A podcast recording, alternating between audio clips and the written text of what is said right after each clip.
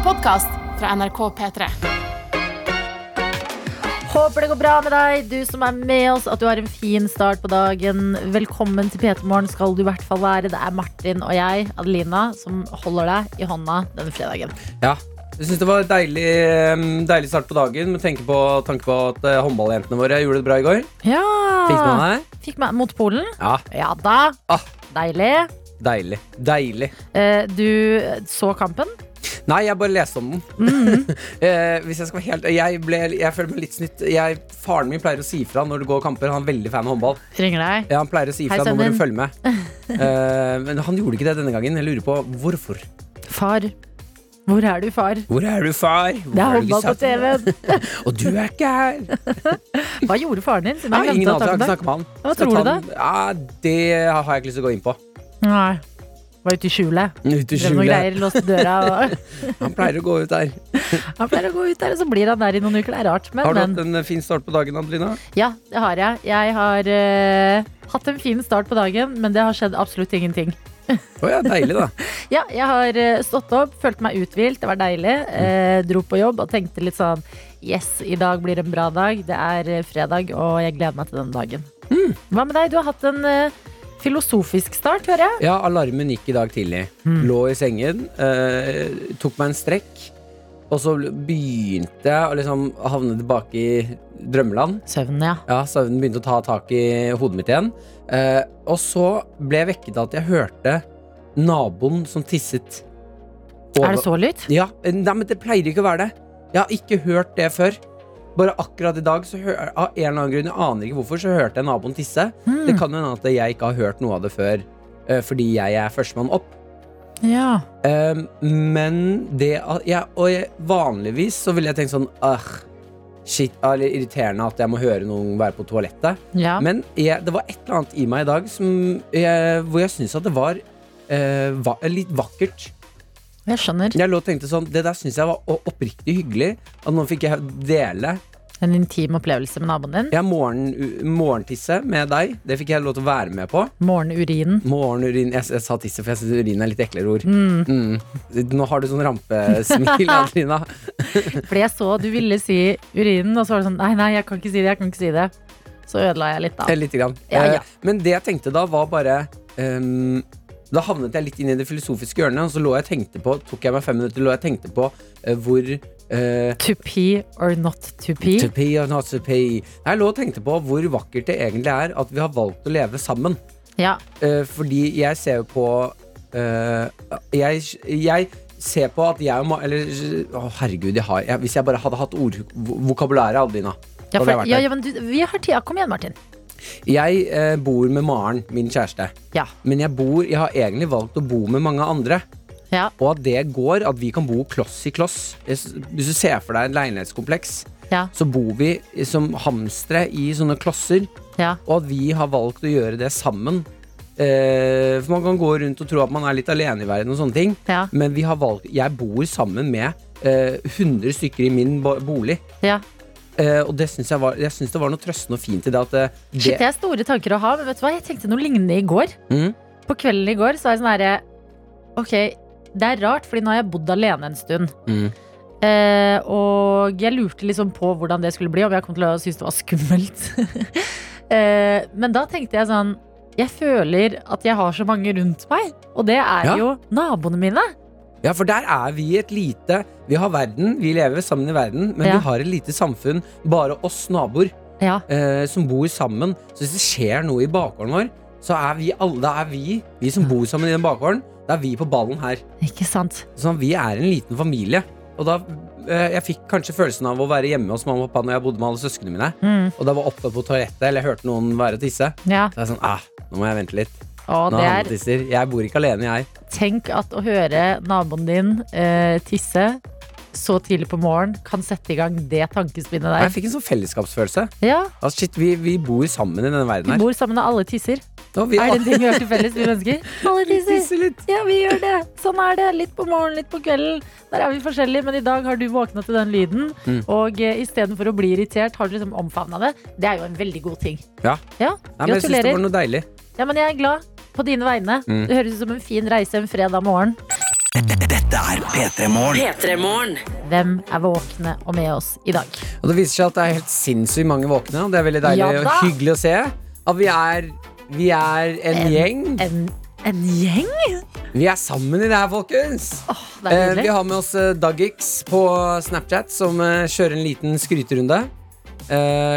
Er, lukter vi på sjakkgeni? Ja, kanskje. Hmm. Har i hvert fall skrevet her. Vant over Magnus, 29 år, på andre forsøk. Eh, det er sjakkappen hvor du kan spille mot eh, Magnus Carlsen. Det er det det er. Vi hadde jo besøk av Kaja Snare i går, Mm. eh, som jobber med Champions Chess Tour, og fortalte oss at hvis man vil komme i gang med sjakken nå, så er det bare å sette i gang inne på den appen, og da kan du velge hvilken alder Magnus Carlsen du vil spille mot. Ja, da. og at du har knust Magnus eh, når han er 29 år, det vet jeg ikke om jeg klarer å kjøpe, altså. Det syns jeg er i så fall en selvtillit du skal ta med deg inn i helga. Kanskje du skal kjøpe deg et skrapelodd i dag. Kanskje hellet er på din side, og at eh, du skal eh, teste lykken litt. Ja, hvis du har, ja, gratulerer hvis du har klart det. Altså. Jeg kom opp Klarer du ikke liksom, tro på det? Ah, har, du, du har, har du prøvd appen? Nei. Når Magnus blir seks år, så begynner det å bli helt sinnssykt vanskelig. Altså Når han er 13, så er det jo verdens eh, Da blir han en verdensmester. Ja, og Han er vel 30 nå, liksom. Ja, Så da har du slått, du har slått Magnus du Carlsen har nå. slått Magnus Carlsen. Har du det? Ja, Ok, vi, vi har lyst til å tro på deg, men hvis du kødder med oss, fortell det. Fortell oss sannheten, ok? Tømre Frode er eh, også med oss i innboksen og skriver Ha en superduper fredag, alle tøyter. Jeg pynta juletre i går. Har dere juletre? Har du juletre, Martin? Jeg hadde det i fjor. Det Ja. kommer jeg aldri til å gjøre igjen. Fordi det drysser sånn? Ja. Ja, Er det problematisk med hund, eller bare slitsomt generelt? Slitsomt generelt, syns jeg. Man må ha litt større plass enn en liten leilighet.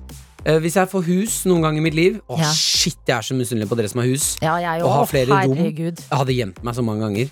Ja, jeg vet det. Når Jeg, Maren er sånn Du må spise opp brokkolien din. Så løper og gjemmer seg på rommet sitt.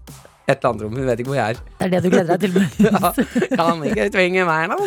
Så du har ikke juletre. Jeg har kjørt på med juletre. Har du juletre? Og tømmerflora. Vis, visste du ikke det? Har du juletre? Jeg har juletre. Bor ikke du på sånn 12 kvadrat? Du er så stygg noen ganger. Hør hva jeg lever med hver dag. Hør hva jeg lever med. Har du plass til juletre? Ja, jeg bor på 12 kvadrat, og seks kvadrat det er juletre, ok?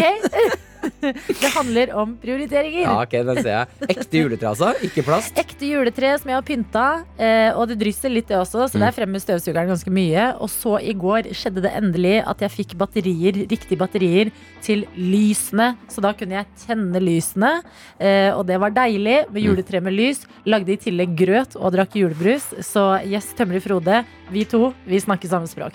Ja, det skal du ha. Du er en livsnyter. Ja, det er Mm.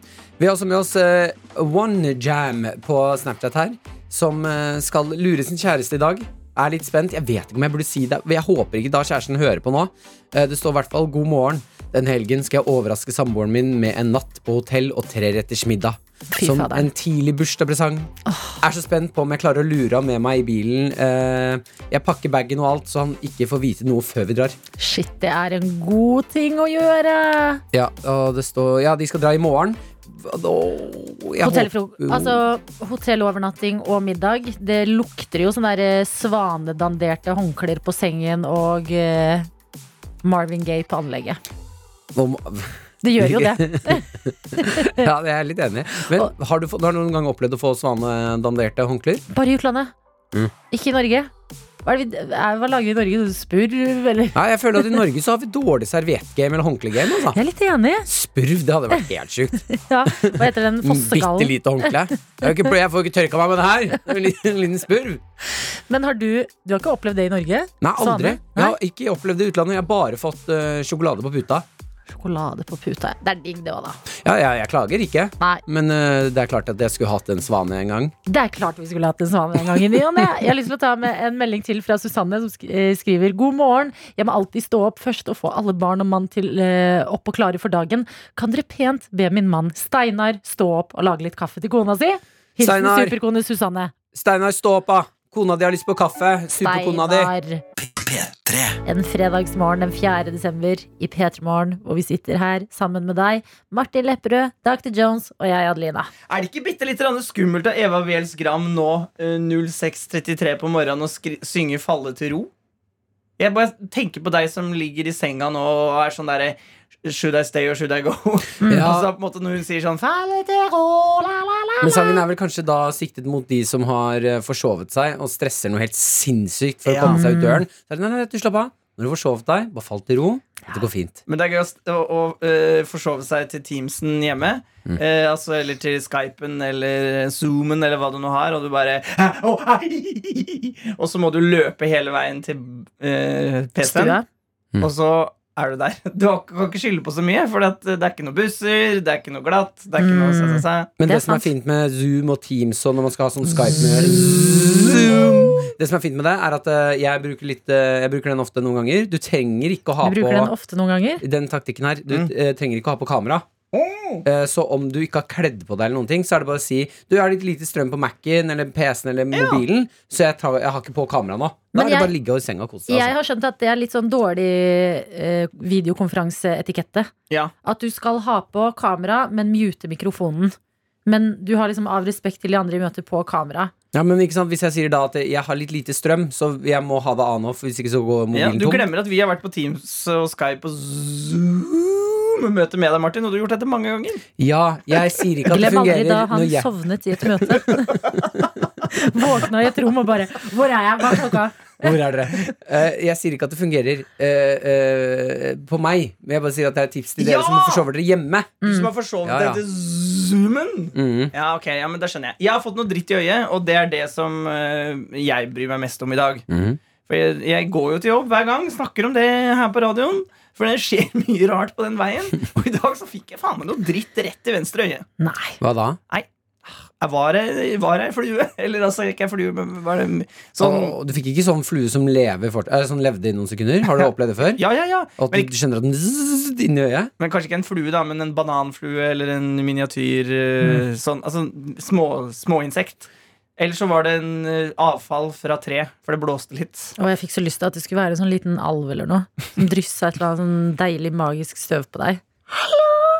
Jeg ligger her i øyet ditt og koser meg. Det er så varmt og godt.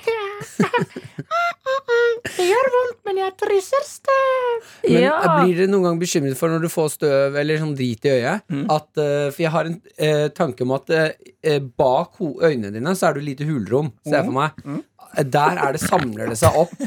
Der har det samla seg opp masse greier gjennom Ja, årene. der er det en fluecamp. Ja, en liten fluecamp. Der har de litt bark. Mm. Eh, noe. Det er den små skuffen i vaskemaskinen som du må rense inn i og ned. hvor ting liksom forsvinner litt. Ja.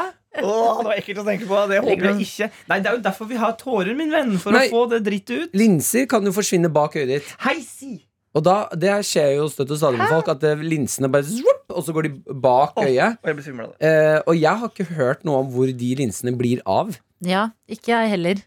Nei, de så, kommer ikke ut med tårene, tror jeg. men hvis det er noen som har opplevd å få linser eh, inn i Si fra, da. For det, det, det vil jeg vite. Har du, du går har linser? Har Nei, du? nei, ikke linser. Jeg tør Nei. ikke å bruke det. Nei, jeg har bare briller. De forsvant en gang baki der. Jeg har ikke, har ikke sett dem siden. Dette er P3 Morgen. Ti over halv sju i P3 Morgen, hvor vi nettopp snakka litt om hva som skjer i det hulrommet bak øyet hvis en linse forsvinner. Og vi har fått en melding fra Blom som skriver linsene kommer fram igjen ved blunking, eller øyelokket må vrenges og linsen plukkes vekk med f.eks. q-tips. Ikke digg. Med vennlig hilsen Blom. Da har jeg oppfølgingsspørsmål. Oppfølgingsspørsmål. Jeg har bestemt meg for ikke å uttale ordene ordentlig i dag. Eh, oppfølgingsspørsmål, Blom. Em, hvor ofte skjer det? Er, hvor, hvor stor sjanse er det for når du går med linser? Er det sånn en gang om dagen, en gang i uka? Er du uheldig en gang i året?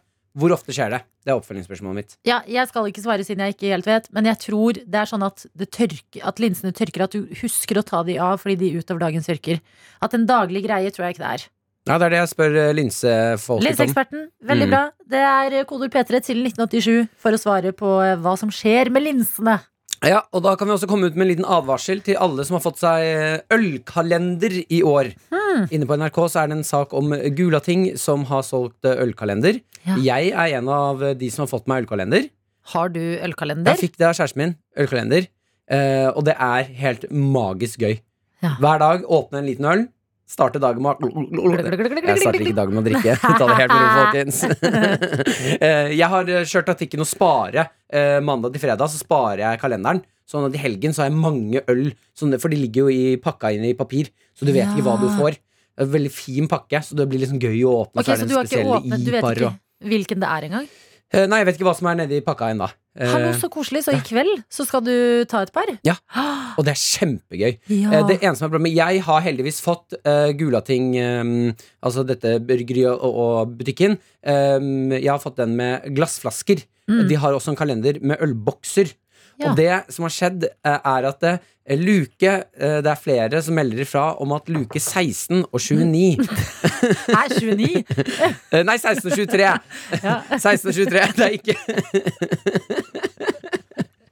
Det er veldig lang kalender, det greiene her. 16 og 23. eh, Der er det noe gærent med ølet. For det har, ikke, mm, det har ikke blitt helt ferdig, så det ligger fortsatt og, lager trykk inni den boksen. Ja. Så det er flere som har opplevd at eh, kalenderen deres eksploderer. Nei! Jo. Men da at luke 16 og 23 bare Ja, altså, har du hørt um, øl som fortsatt driver og lager eh, kullsyre og trykk? Eh, har Og gjerder, er det Ja, det de gjør? ja. Har du hørt nei. det? Jeg har hørt det, Broren min hadde en ulykke en gang, og det smeller altså så sinnssykt Oi, når de boksene, for det er jo metallbokser, liksom, og ganske Ja. harde. Ja, ja. Når det først sp- sprenger, da spruter det øl, og det er ordentlig sånn bom! Hallo, jeg kaller dette ekstra spenning, jeg. Ja, ja, ja. Det, det må jo være at, en, at luke nummer 16 og 23 kan sprenge når som helst. Det er litt gøy. ja, det er noe fint med folk kalender der de er sånn Ja, den er ganske spennende, for det kan hende den eksploderer òg, skjønner du. Men du vet ikke hvilken luke. Du vet ikke hvilken luke. Vær så god, her er kalender. Det er mulig det kommer noen artige overraskelser underveis. Jeg kan ikke si noe, Eh, men nå vet du det. Så da er det bare, har du den kalenderen, vær forsiktig. Eh, Emil Johansen eh, prøvde seg å Han så advarselen, prøvde å, å legge denne ølen i kjøleskapet. Ja. Han, og jeg synes det er helt sjukt. Han rakk akkurat ikke å legge den i kjøleskapet før den sprang. Så Ok. den sprutet. Han hadde akkurat malt kjøkkenet. Det er snakk de NRK snakka med han. Han hadde akkurat malt kjøkkenet. Så han fikk ny, eh, altså, eksplodert øl utover hele det nymalte kjøkkenet sitt. Nei! Men da lurer jeg på, kan det ikke være en løsning å bare Altså Man skal jo ikke åpne lukene før den datoen det er. Mhm. Men er det ikke nå bare å ta luke 16 og 23, åpne de, nyte de, og så tenke ok, da er jeg kvitt i hvert fall eh, den lille risikoen for at de kan sprenge når som helst. Altså Det må jo være den perfekte unnskyldning for å åpne lukene før det faktisk er den datoen. Jo, det kan jeg si meg enig i. Ja, Ellers kan du legge luke 1623 på et gøy sted. det kan du også gjøre. Ja, eller gi det til naboen din. Åh, ja. Du, hei, jeg vet hva, jeg, jeg har hørt rykter om at du ikke fikk kalender i år. Jeg har lyst til å donere bort luke 16 og 23 til deg. Men ikke åpne før 16 og 23. Det syns jeg er gøy. En liten sånn eh, rampenissestrek Mm. på naboen din. Som jo, altså, det er jo ikke en slem tanke. De får jo tross alt øl. Vi har, eh, vi har snakket om eh, linseproblemer, og vi har fått en helt sinnssykt mye eh, SMS-er på det. Det har vi! Ja, vi, vi snakket om at linsen noen ganger kan forsvinne bak i øynene dine. Eh, fant ut at eh, det skjer av og til. Vi lurte på hvor ofte skjer det her. Ja, eh, og det, Vi har fått en melding fra noen som ikke har med navn, men skriver 'Hilsen lærer på Innlandet', som er meget klar for helg. Og han eller hun skriver 'Jeg har brukt linser i åtte år. Det har aldri skjedd meg'. Og aldri, ja! Aldri opplevd at linsa forsvinner eh, langt bak i eh, øyet. Og får backing av en annen her som skriver har brukt linser nesten daglig siden 2009. Aldri mista linsen i øyet. Men Rikkas, som også har sendt oss melding, tror jeg har litt erfaring, for her kommer det litt tips til hva man kan gjøre hvis linsa forsvinner. Okay. Og det står 'til de med vandrende linse'. Ta på en ny.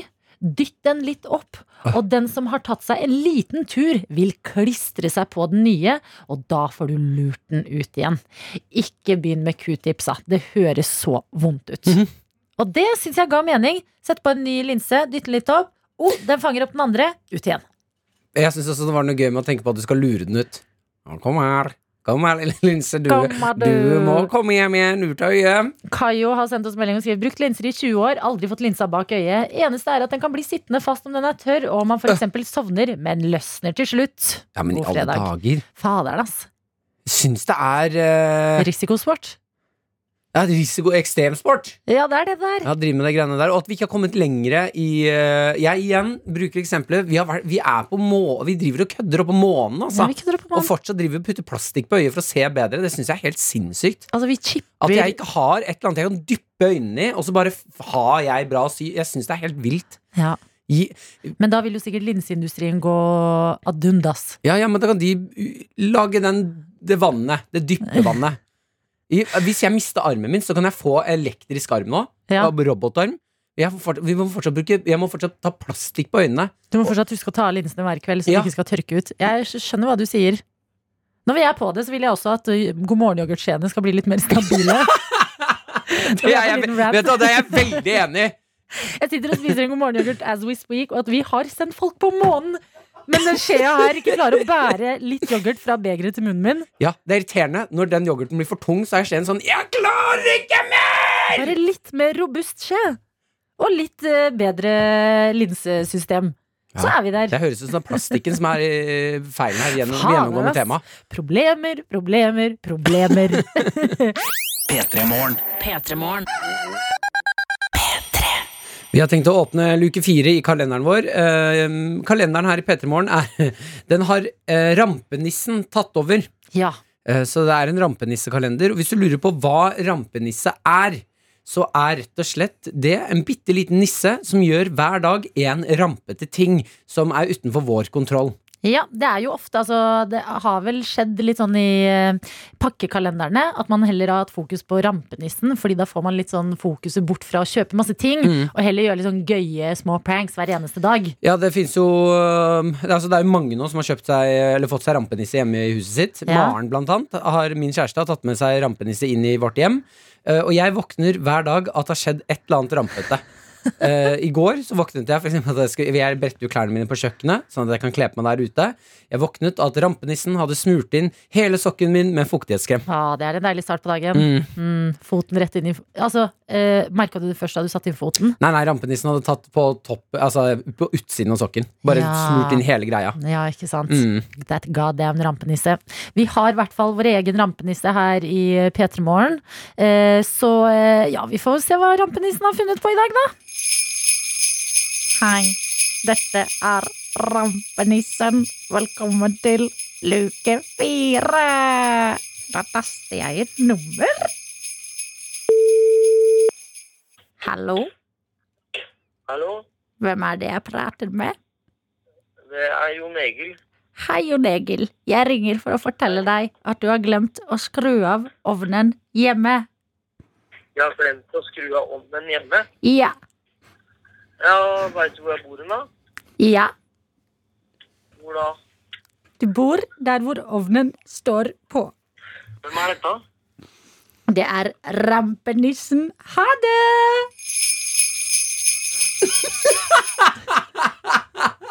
For en dust rampenissen er.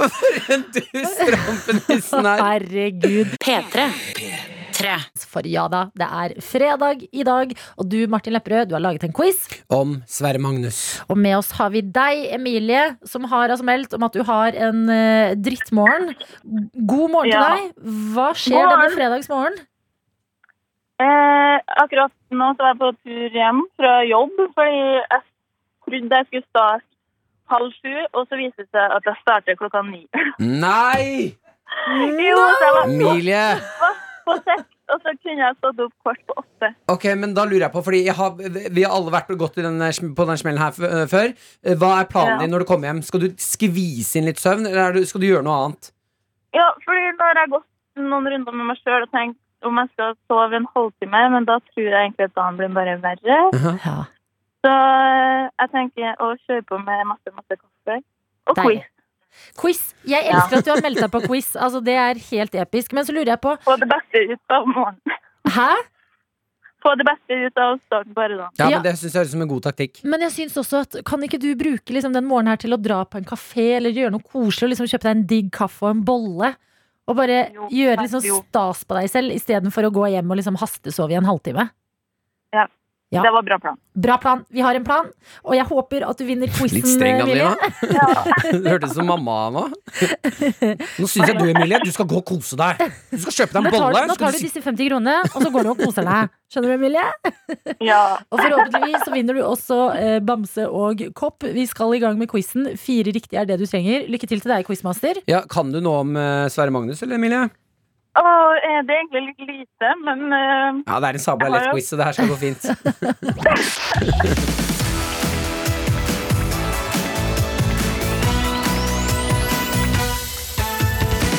Emilie, Sverre Magnus hadde bursdag i går. Hvor gammel ble han?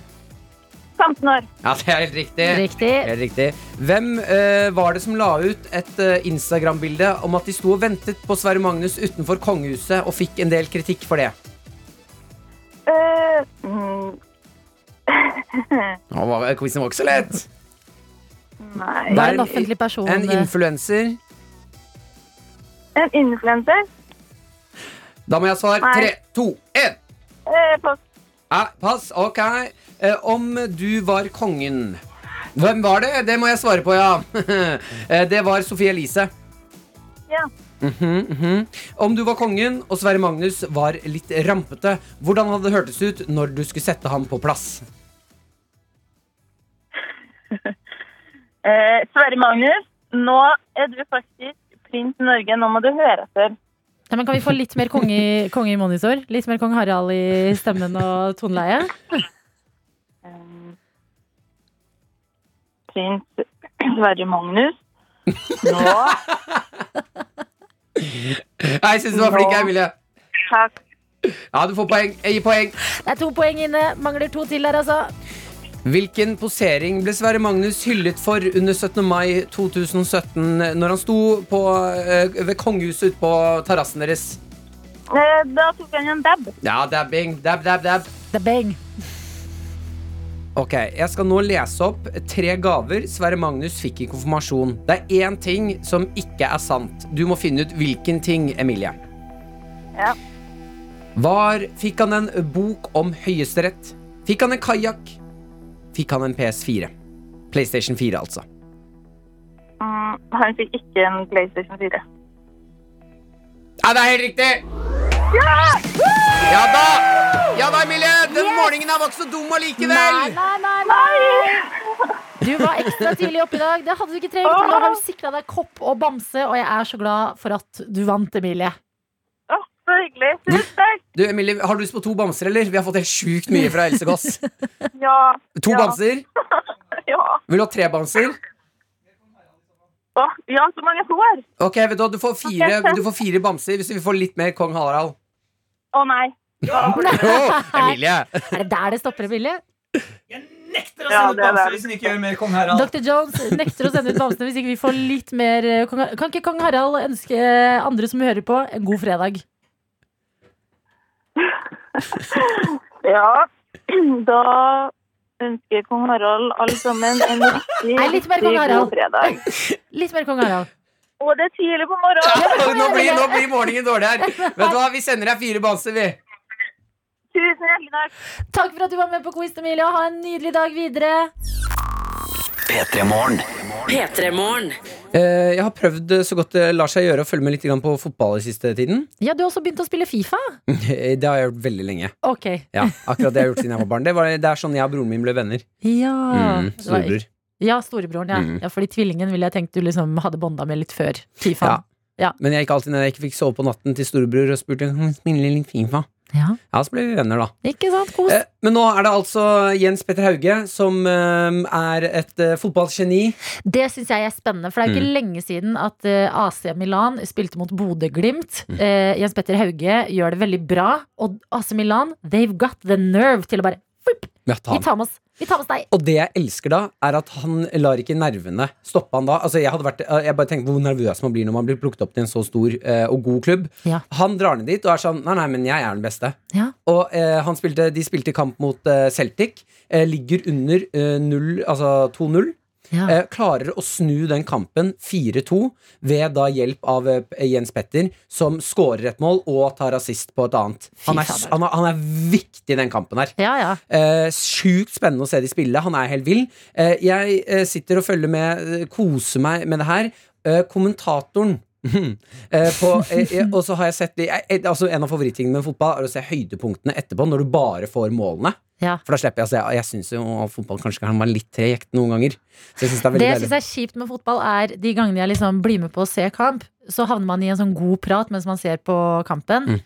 Og så plutselig så er den fotballinteresserte blir bare sånn Hei, hei, hei! Ja, Sånn, man, ja, men nå var jeg midt inne i en historie. hvis man åpner seg sånn Og så sa sjefen min til meg noe jeg reagerte veldig på, som jeg ikke sier Å, nå er det mål! Det er mål! Det er mål! Oi, oi, oi! Hva, var- hva var det du sa for noe? Hva sa du? Hva var det greia i stad? Nei, um, ikke tenk på det. Men jeg reagerte. Jeg synes det igjen altså, eh, Kommentatoren her inne på eh, VG, som når de har laget de uh, høydepunktene, er veldig veldig gøy. For han sitter og koser seg litt grann på jobb. Uh, og jeg bare uh, Når Jens Petter dribler seg forbi tre mann, løper inn og scorer, så koser han kommentatoren seg veldig. Bare hør på det her.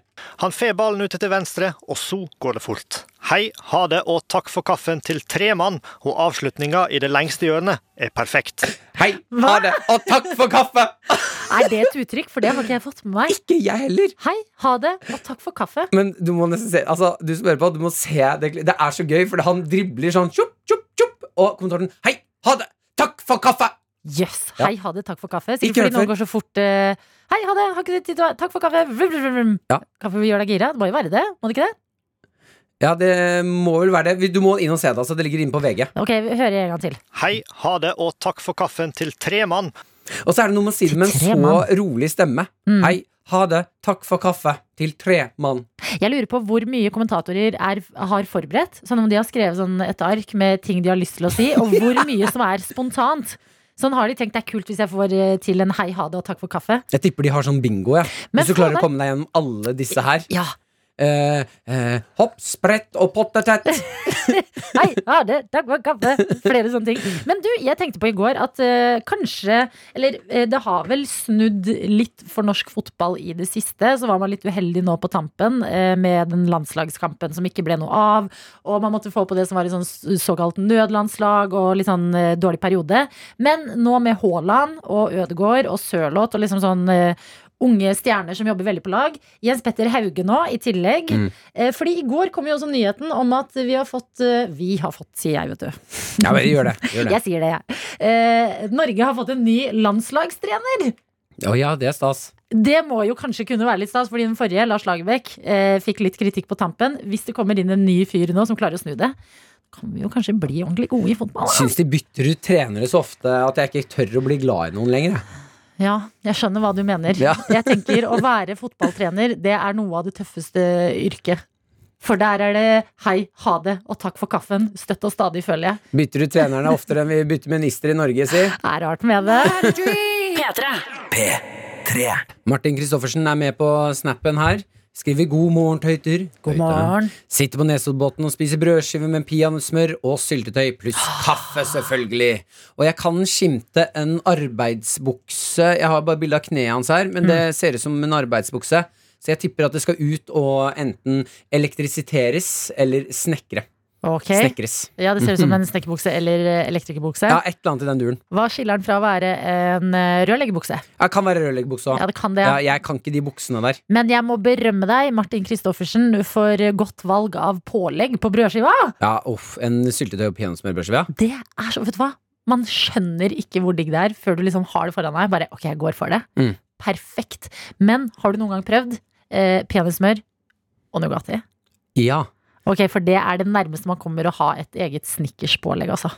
Ja, ja, men det er jo snickers. Det er jo snickers. Ja, ja, ja, helt klart. Så må jeg altså si da god morgen til alle som er på båt i dag, ute og farter. Enten det er en liten ferjetur, eller om dere er eh, tre uker av, tre uker på. Jeg vet jo, Min tvillingbror er jo sjømann. Tre uker av, tre uker på. Eh, og det er en gruppe mennesker som ikke får nok oppmerksomhet. ass For den jobben de gjør ute på havet, er helt sinnssyk. Det var sånn typisk jobb broren din gjør ute på havet. Nei, det er jo, han jobber jo i da, mm, eh, altså oppdrettsanlegg for fisk og sånne ting. Ja. Eh, og det å være da ute på båt tre uker i strekk, Ja. løpe rundt gjerne når det blir litt sånn storm og sånne ting, da løper det folk rundt. Tau som ryker, båt som er festes fast, det er en kran de må kjøre, styre rundt. Det er helt kaos noen ganger. Ja. Uh, det er sånn beinharde folk der ute. Jeg er så enig, og da må jeg arrestere meg selv litt. For alltid når jeg tenker sånn Å, dere i båt, så ser jeg for meg sånn rydli, rydli, ridli, Sånn seilbåt eller husbåtstemning. Dritkoselig. Men båt kan være så hardt i det været, i det kystværet vi har. Mm. Uh, så ja, det syns jeg vi skal gjøre stas på i dag. Dere båtfolk, eh, god morgen til dere. Jeg vil også si god morgen til Kokke-Kristin, som er med oss i SMS-innboksen. Eh, kodeord P3 til 1987 og skriver god morgen tøyter og rev-emoji, som jo er emojien til eh, P3 Morgen. Så skriver hun i dag så kjører vi afternoon tea i Theatercaféen på Trøndelag Teater. Men jeg lurer på om det vesentlige, som teen, rekker å komme. Jeg har bestilt, men det har ikke kommet frem ennå, så spørs om jeg må ut og løpe litt, dessverre. Ellers så er det fullt kjør. Håper alt er bra med dere. Stor klem fra Kokke-Kristin. Og Men er det en greie? afternoon tea Ja, er, for, for det er en greie? Ja. Afternoon tea? Ja, afternoon tea. Ja. Eh, du har aldri prøvd det? Er det noe Er det ting å prøve? Ja, det er en ting å prøve. Ja. Det er veldig Downton Abbey-ting å gjøre. Å pynte seg litt og dra på afternoon tea. Eh, Å så, ja, for er det sånn eh, når man er ferdig på jobb, så møtes man nei, litt after work, tenker du på. Men når er afternoon teen, da? Er det i, i arbeidstiden? Nei, afternoon tea, det, er, det kan vel egentlig være litt sånn når du vil. Eh, særlig hoteller og liksom steder har jo Mhm. det åpent på menyen kanskje sånn fra klokka tolv til klokka seks på kvelden. Da. Mm. Så kan du velge når du stikker innom, så får du sånn etasjefat med forskjellige brødskiver. Å, med forskjellige så typer pålegg. digg! frukt og det beste. Kaker og dessert og sånne ting. Eh, og så får du selvfølgelig da te, Mm. og så kan man da velge om man vil ha seg et glass sprudler noe, eller noe annet ved siden av.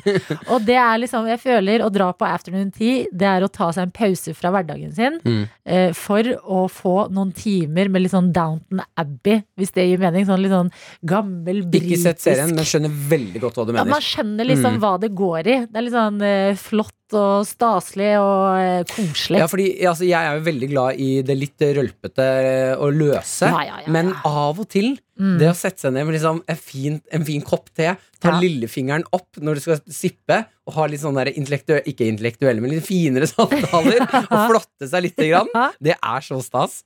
Det er ikke noe å kimse av det, altså. Og da føler jeg sånn, hvis man drar en vennegjeng, så kan alle som har liksom pyntet seg litt, eller sånn Du ser at alle har dusja og gjort en Du ser at alle har dusja og lukter godt. så er det sånn Shit, se på oss, da! Men det er da, det er da jeg skulle ønske at jeg snakka britisk, altså. Yes. Yes, Yes. hello, my dear Oh, friends. Oh, uh, Simon, I can see you had a shower. Thank you very much. Yes, you, you look so clean. Let's drink some tea. Jeg håper det blir bra med Afternoon Tea Konke-Kristin. eh, Og jeg håper at vi snart alle sammen kan begynne å dra på mer Afternoon Tea. For det merker jeg nå at det er på tide. Dette er P3 P3morgen. Kjære du som hører på med en liten spiondrøm i magen, spiss øra. Helt sjuke ting skjer på internett akkurat nå, Martin.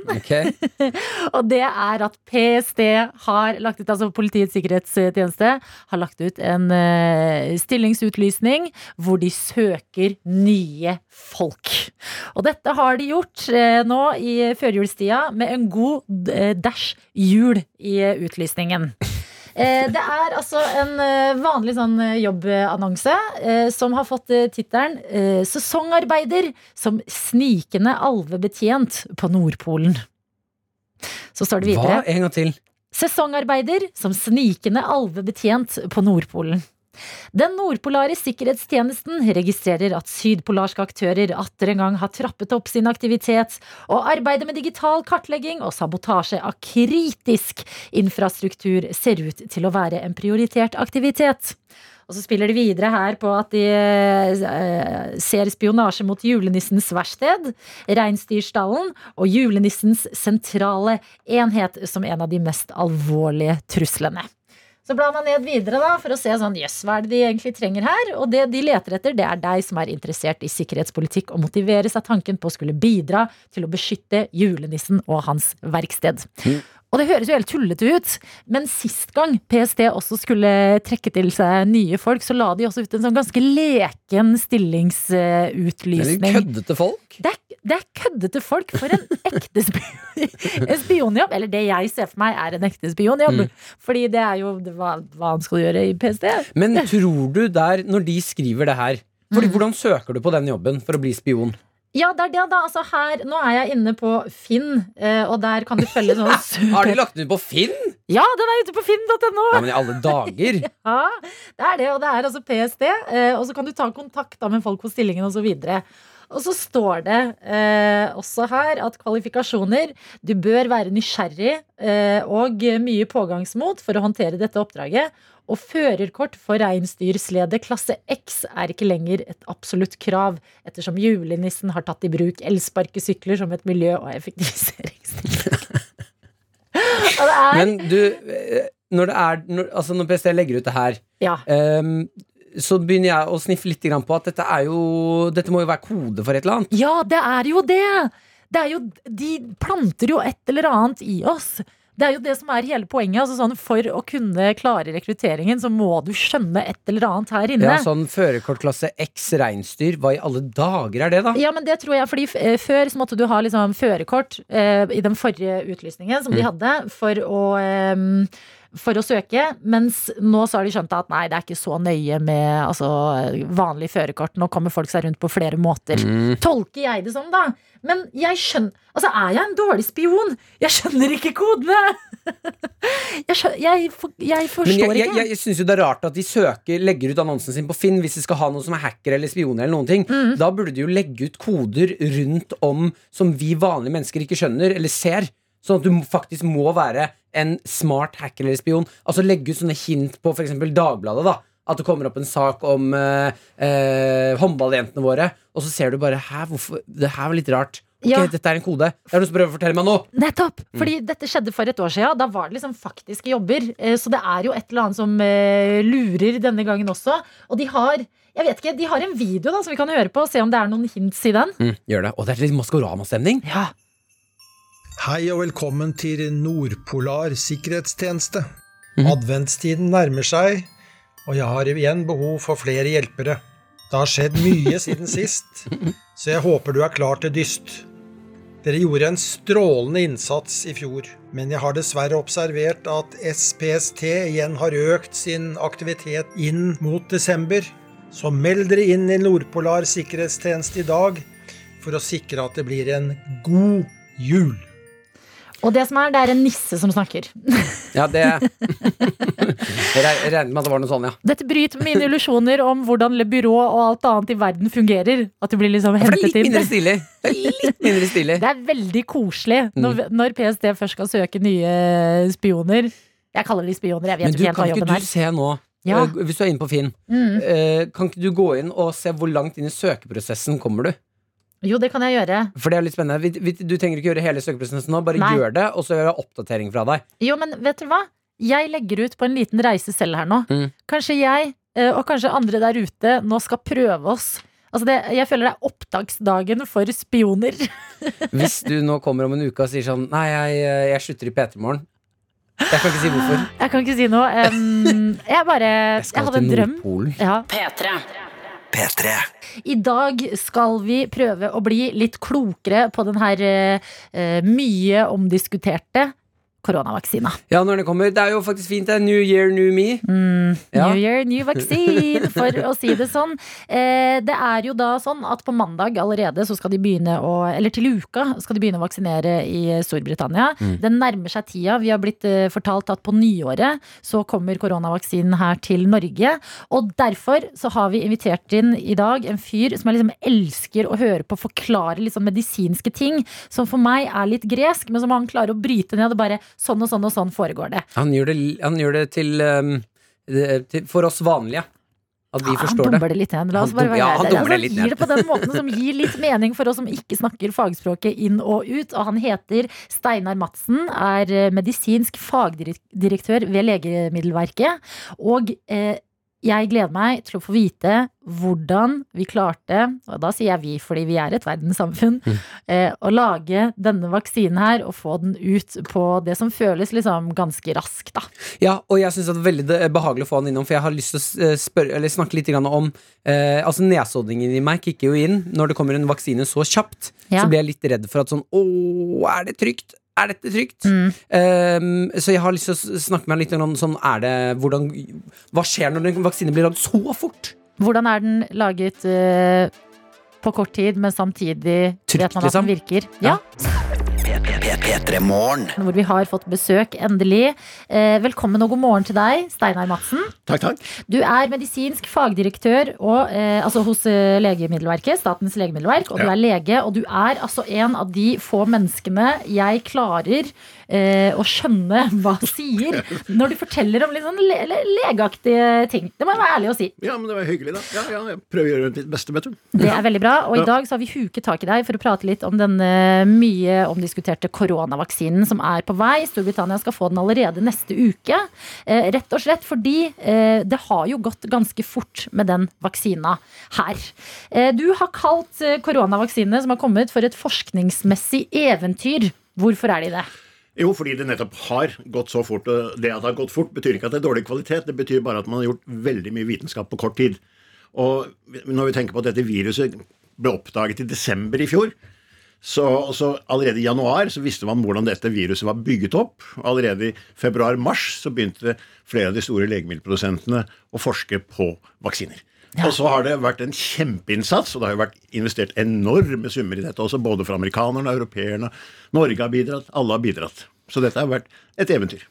Men hvordan eh, Fordi du sier det her Det er det jeg ikke har skjønt helt. For det er noe med liksom arvestoffet til viruset som gjør at man kan ta en oppskrift fra det og liksom plotte det inn i en vaksine. Ja, dette covid-viruset, eller SARS-CoV-2 som det egentlig heter, da, det, er et, det er en veldig listig virus. For på utsiden av viruset så sitter det noen små som, vi kan, eh, som heter spikes. Vi kan kalle det piggproteiner. Er det de der røde dottene? De røde som- dottene Ja. sitter. Og, og du vet, de er laget for at de kan binde seg akkurat på menneskeceller. Ja. Så der er det en sånn reseptor som det heter, altså en mottaker, som binder seg smokk på den, Hånd i hanske. hånd i hanske, Ja. og så sender de arvestoffet inn i cellen, overtar kontrollen av cellen, og så har du sykdommen gående. Mm. Og så Det som da er hemmeligheten, det er at man har da eh, sett på hvordan dette spike-proteinet, eller piggproteinet, er bygget opp. Ja. Og så har man laget, i, to av disse vaksinene i hvert fall, dette på en kunstig måte. Ok. S- s- Tilsvarer arvestoffet der. Og så gjør man det slik at man eh, gir denne vaksinen, og da kommer denne lille, bitte lille biten av arvestoff, som kalles mRNA, inn i våre celler. Og så begynner våre celler å produsere dette piggproteinet. Ja. Og så kommer det ut av cellen, og så sier kroppen vår ja, men dette er fremmed. Dette vil vi ikke ha. Og så starter immunforsvaret. Ok!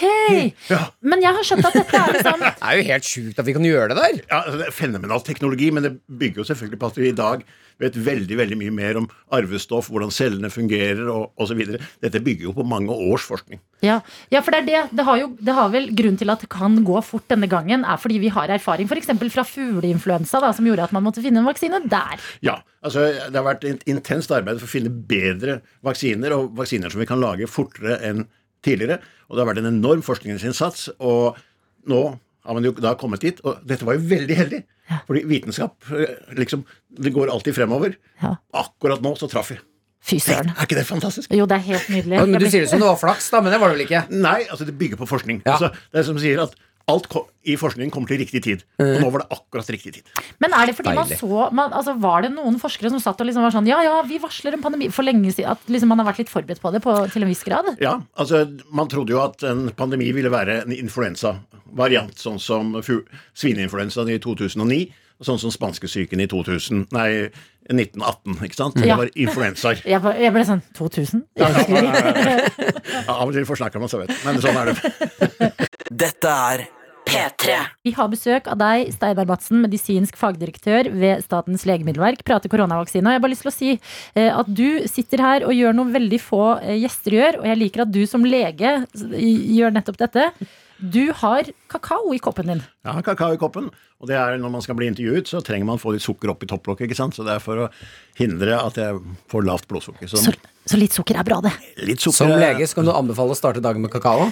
Ja. Yes! det Vet du hva det er? Det er musikk i mine ører. Men, men ikke mer enn en kopp, da. Ok, en kopp holder. Eh, jeg, må, jeg må bare få spurt om det her, for jeg er jo Jeg, jeg drar nesodding inn i det. Jeg er en nesodding. Uh, vi er litt vaksinemotstandere der. Uh, du er en vaksineekspert. Jeg kjenner at nesoddingen i meg kicker inn når vi får en koronavaksine som er laget på så kort tid. Eh, så kjenner jeg på en liten frykt. Um, jeg bare spør, det, Kommer den vaksinen til å være trygg? Den kommer til å være en veldig sikker vaksine. Vi snakker ikke om trygghet, vi snakker om sikre vaksiner med liten risiko. Alle legemidler og vaksiner har bivirkninger, men det som har vært så godt, selv om det har gått fort, det at det har vært prøvd ut på utrolig mange forsøkspersoner. Denne Pfizer-vaksinen, som nå kanskje ligger fremst i, i løpet, den er jo prøvd ut på over 40 000 forsøkspersoner. Hvem er disse menneskene? Kan du fortelle meg det? Det er frivillig i mange land. Brasil, USA, Storbritannia. Mange steder hvor frivillige har meldt seg til å være med. Og da er det slik at når du er med i en sånn studie, så får halvparten for vaksinen, og halvparten for en narrevaksine, altså det vi kaller placebo. Ja. Og så sammenligner man hvor mange bivirkninger ble det hos dem som fikk vaksinen, og hvor mange bivirkninger ble det hos dem som fikk placebo. Så trekker man fra, og så sier man aha, dette er det du får ved å ta denne vaksinen. Okay. Hva er det, Har vi sett noen bivirkninger, da? Ja, det er jo alltid bivirkning av vaksiner. Det er vondt der man sprøytestikket er litt vondt, og så får du litt feber, og du kan føle litt uvel og sånn. Men det er jo vanlig for alle vaksiner. Det er stort sett det man har sett her nå. Men nå har vi og legemiddelmyndighetene fått alle dataene, og nå skal vi fingranske det. Vi, tror, vi tror ikke umiddelbart på, in- på legemiddelindustrien. Vi vil se på det selv også. Ok, så uh, vi må ta en sånn egen kontrollsjekk her hjemme. Ja, Nå har disse firmaene levert alle data de har, til det europeiske legemiddelkontoret i Amsterdam, som heter EMA. Og så blir det delt ut til alle de samarbeidende landene. Norge deltar i dette samarbeidet, og vi gir innspill, stiller spørsmål osv. for å få svar på er det noen problemer her som vi må se nærmere på. Så dette blir fingransket nå av legemiddelmyndighetene i samarbeid i Europa. Men det er vel flere i samme bås som Martin, kan jeg se for meg, som kjenner litt på sånn derre ai, ai, ai, ai. Kan ikke du som en sånn fyr som har eh, ja, over 40 år erfaring i bransjen, var det ikke det du sa? Jo, jo. Berolige litt da med sånn generell, altså litt den generelle vaksinefrykten. Jeg tror dette, disse vaksinene er de vaksinene som har vært best utprøvet av alle, og hittil så virker det veldig bra, så jeg tror det er liten grunn til å være skeptisk her. Men vi skal selvfølgelig komme tilbake med all informasjon, det lover vi.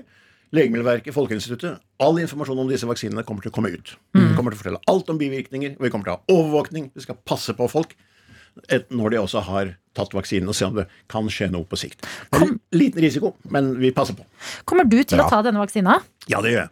Nå er nok ikke jeg helt først i køen, men jeg er jo da Men du har jo inntil Du er jo der det skjer. Du Ja, kan vel snike til deg en. vaksine. Nei, sånn er det ikke i Norge. vet du. Det er det som er det fine med Norge. at I Norge så gjør vi ikke sånt. Men i absolutt, hvis jeg får tilbud om å ta den, så vil jeg gjøre det fordi ved siden av arbeidet på Legemiddelverket så er jeg også hjertespesialist og arbeider med hjertesyke pasienter. Så det jeg er redd for, er at jeg skal bli smittet og smitte dem. Ja, Så for meg er det viktigere å beskytte pasientene mine enn å beskytte meg sjøl. ikke sant? Jeg har et Jeg bare tenkte på nå, for det, jeg synes det, er, vi lever, eller sånn, det er litt absurd å tenke på at det melder seg frivillig til å ta en vaksine som man ikke helt eh, vet eh, hva er ennå. I det rommet når folk skal ta den vaksinen, når de har fått den, hvor, hvor eh, trygg er man da? Eller sitter man da på vaksinen og så blir man sånn Ok, stå stille. Vi må se om det skjer noe. Eh, For, Forbausende nok, nei da. Det har med vitenskap å gjøre at eh, sånne utprøvinger går veldig, veldig sjelden galt. Det har bare vært noen få tilfeller vi kjenner til hvor kan du si, de første som har fått denne, en vaksine eller et legemiddel, virkelig har fått alvorlige reaksjoner. Så det er veldig sjelden. Vitenskapen er såpass god når det gjelder altså Vi har gjort forsøk på forsøksdyr før det ble gitt til mennesker. Det har vært gjort masse tester. Slik at det er veldig veldig sjelden at det skjer noe alvorlig når man begynner å gi en medisin eller en vaksine til mennesker for første gang. Ok, Deilig å høre. Jeg syns det er så betryggende å ha deg på besøk, eh, Steinar. Og jeg har lyst til at du som hører på, hvis du har noen spørsmål akkurat nå som du sitter inne med, du har liksom hørt at eh, vaksina den kommer, men au, det, det lurer litt på dette og dette, benytt anledningen nå. For nå har vi altså Steinar Madsen på besøk. Kan svare på dine spørsmål som du kan sende inn. Dette er P3 Morgen. Fire minutter på halv ni i P3 Morgen, hvor vi prater koronavaksine sammen med deg, medisinsk fagdirektør ved Statens legemiddelverk, Steinar Madsen. Og jeg bare lurer på, hva ønsker du deg til jul? Uh, jeg ønsker Ja, jul Nei, det blir litt for tidlig til jul. Nei, til jul. nei, Du skulle si vaksine. Bortsett fra vaksina, som vi skjønner. Ja, eh, egentlig så ønsker jeg meg selvfølgelig en vaksine. Men i Europa så er det nå slik at denne vaksinen som ligger fremst, denne Pfizer-vaksinen, den skal diskuteres på et møte 29.12. Da skal den europeiske vitenskapskomiteen thumbs ups, eller thumbs down. Da er det thumbs up, så blir den godkjent av EU-kommisjonen i løpet av en dag eller to. Og så blir den godkjent i Norge i løpet av en dag eller to. Og så er vi klare På nyåret. på nyåret. Så det du ønsker deg til jul, er kakaomaskin, for eksempel. For eksempel. Ingen sånn personlige ting. Sokker eller skjorte eller noe de har tenkt på. Nei, hjemme hos oss har vi faktisk stort sett gått bort fra å gi gaver. Vi syns det ble så stressende med å løpe rundt og finne gaver til folk som har alt fra før. Ja, deilig å høre. Ja, men vet du hva? Da, da satser vi på den vaksina inn i romjulstida der. Vi spurte deg der ute, er det noe du lurer på? Vi eh, spør for deg, og vi har Maren her som spør Har hørt noe om én og to doser man må ta. Hvor mange sprøyter må man egentlig ta? Og så får du litt skryt, sånn Steinar. Tidenes beste legestemme. Da, nei, tusen takk. Det var hyggelig å høre. Nei, det er Begge disse to vaksinene som nå ligger lengst fremme, det er to doser med ca. en måneds mellomrom. Ok, Så du, må ta, du tar først én, går en måned, tar en ja, til. Ja. Og det er bare en liten sprøyte. Det er bare mindre enn en milliliter ved hvert sprøytestikk. Så det er ikke noe problem. Bør ikke være redd for det, altså. Ok, eh, Vi har en helsesykepleier som har meldt seg på her og sier Kan du si litt om administrering, oppbevaring og tilberedning til vaksinen? Og jeg har jo hørt det òg, at det må være oppbevares veldig kaldt. Ja, Hvis vi nå tar de to vaksinene som ligger lengst fremme, da Pfizer og Moderna, så er det slik at Pfizer den må transporteres ved, i superfrysing. Altså 70-80 minusgrader. Og dette jobber man nå for fullt for å få på plass. og Mange norske sykehus har jo superfrysere. Eh, Så kan man da ta det ut av superfryseren, så har man det i noen sånn superbager. Jeg liker at dere bare putter på ordet super. ja, skikkelig superkjølebager. Hvor man da kan få det ut i kommunene, der hvor man da skal eh, begynne vaksineringen. Og så uh, tines det opp, og så blander man det. Eh, og da kan det ligge i et kjøleskap i noen dager.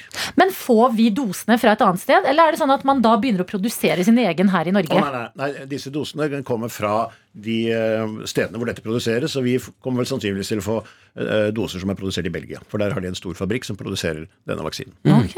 Eh, Martli lurer på eh, hvor lenge holder vaksinen deg immun, og er det noe vits å ta den hvis jeg nettopp har hatt korona? Ja, Det er jo et av de spørsmålene som vi foreløpig ikke har svar på. da, fordi da må man jo vente og se. Men når du har fått vaksinen, så får du antistoffer. Og det man har sett, er at antistoffene begynner å synke da, gradvis nedover. Eh, Men det ser ut som det synker ganske langsomt, så det ser ut som disse vaksinene kan ha virkning ganske lenge. Men det vet vi ikke. Men så er det en ting som er veldig viktig med vaksiner. At når du blir vaksinert, så er det også noe som heter hukommelsesceller, som lærer og blir lært opp til å huske at du har hatt denne vaksinen eller denne infeksjonen. Og hvis du da får infeksjonen senere, så våkner de til liv, og så kommer forsvaret vårt, immunforsvaret vårt, mye hurtigere opp. Fader, kroppen, ass! Ja, Altså, jeg skal fortelle at Immunforsvaret vårt det er det mest kom- innfløkte system som finnes. Det er helt fenomenalt hvordan det er regulert. Jeg blir, altså, det, entusiasmen smitter over meg, og det må være en smitte som er god. Victoria har sendt en melding her og skryter av deg, Steinar, og skriver først og fremst det er så engasjerende å høre på deg, Steinar. Men hva tenker du om den kontinuerlige nyhetsinformasjonen som pushes ut, og som lar vaksineskepsis vokse? Ja, For det første så vil jeg jo si det at vi har lite vaksineskepsis i Norge. Norge er et land hvor, hvor det faktisk er lite vaksineskepsis. De fleste, aller fleste barn blir vaksinert. Det er 95 blir vaksinert. Eh, Og Norge er også et tillitsbasert land, vil jeg si. Altså, Det er stor tillit mellom befolkningen og myndighetene. Folk tror faktisk at Legemiddelverket og Folkehelseinstituttet er der for deres skyld. Og det er vi. Ikke sant? Og det er veldig viktig å ta vare på i den situasjonen. Ja, Å, det var veldig deilig å høre. Steinar Madsen, Madsen, det har vært altså så uh, gøy å ha deg på besøk i dag. Jeg elsker å høre på deg prate entusiastisk om uh, lege, legemidler. Hvem skulle tro det? At Ja, det skulle kicke så godt i gang. har- Jeg har jo levd av legemidler i 40 år, så skulle bare mangle. Ja, vet du hva? Nei, det er nydelig. Og sammen med deg så håper vi også at denne vaksina ja, den får forhåpentligvis thumbs up. At vi får den her i Norge om ikke altfor lenge. Fenomenalt! Fenomenalt. Takk til deg, Steinar. Takk for nå. Jeg er inne på min mote, og jeg leser om Drake. Fordi Drake, som vi vet, han starta på bånden. Nå selger han duftlys til 700 kroner stykket. Og duftlyset, de lukter Oi, ikke si det, ikke si det! øh, og, øh, det er Drake som selger det. Ja. Uh, lukter det peach? Peach? Nei, du tenker på eh, peach-emojien? Nei, han har ikke en sang som heter Peach. Å ja! Mm. Nei, ikke peach. Lukter det and? And? Ja, Drake er jo mannlig and. Ja. Ja, det er det jo. Mm. Drake er mannlig Anja. Ja. Det lukter ikke and? Nei. Ok, da er jeg, da er jeg tom for Du gjett. du har ett Ett gjett igjen. Å, lukter det Å, Drake. Eh, lukter det Jeg ser for meg at det lukter sexy. Det er lukten hans. Ja, det kan hende. Mm. Drake-lysene lukter Drake. Ja, men i alle dager! Ja da, han har nå altså eh, I tillegg til å gi ut musikk og ha prosjekter på gang, begynt med duftlys. Og det er noe litt sånn vakkert med at en veldig sånn macho fyr som Drake, selv om han er en sånn eh, følsom rapper, da, Mm. eh, har funnet seg selv i duftlysindustrien? Altså, det er jo også en sjanse å ta, en stor sjanse å ta, da. Fordi se for deg at man tenner på et sånn, du kommer hjem til meg, så er det sånn Hva i hel... Hva er det det lukter her? Mm. Så, eh, det er Drake.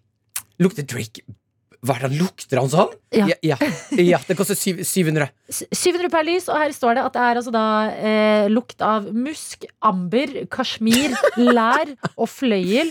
Og er I inspirert Eh, ja, eller han har fem forskjellige lys. Da. Okay. En heter Sweeter Things. Den er sikkert litt eh, søtere. Williamsburg Sleepover. Lukter kanskje litt eh, Si det navnet en gang til. Williamsburg Sleepover. det høres ut som en god date i Williamsburg som ender med overnatting. Gjør det ikke det, da? Det er, jeg syns at det var litt ekkelt. Good thoughts. Det ser jeg for meg sånn perfekt til en kopp kamomille til å trekke seg opp i sofaen med et pledd. Noen beste jentene. Sitte og drikke te og høre lukte eh, good thoughts. Muskoka. Nei, det må du si en gang til. Muskoka. Ah, Jeg vet ikke hva det er. Muskoka? Eh, og så er det da særlig Carby Musk som eh, skal lukte akkurat som Drake, da. 700 kroner for et Jake-lys. Hva føler du? Rykker det i eh, duftlysfoten? Ja, har, ah, fy søren, jeg har lyst til å lukte på et av de duftlysene her, altså. Ja. Kanskje den sleepoveren. Det var den som talte mest til meg. Williamsburg Sleepover. Hvis du skulle laget et duftlys, hva ville vært drømmeduftlyset ditt? Uh, nei, jeg kjører litt sånn som Drake. da Jeg liker veldig godt at, det, at jeg kan tenne på duftlys. Og det er sånn Hva er det lukter? Ja, det er meg. Det er deg, Det er meg, ja. Det er meg etter en Og så skulle jeg hatt eh, Deg etter en tur i skogen. meg etter en tur i skogen. Mm. Meg etter en god natts søvn. Ja. Meg etter en skikkelig omgang uh, med kjæresten. I helvete, er det det lukter her? Nei, den Hva tent sexlyset. Jeg sa tent du? sexlyset. Ja, det er gode, Ja. fordi det, eh, det er godt vi er forskjellige, for mine tanker gikk til taco. Ja, ja, det Taco jeg med. duftlys. Regner Har ikke det vært litt koselig på bordet på fredagen? Det blir dobbelt. Dobbelt taco.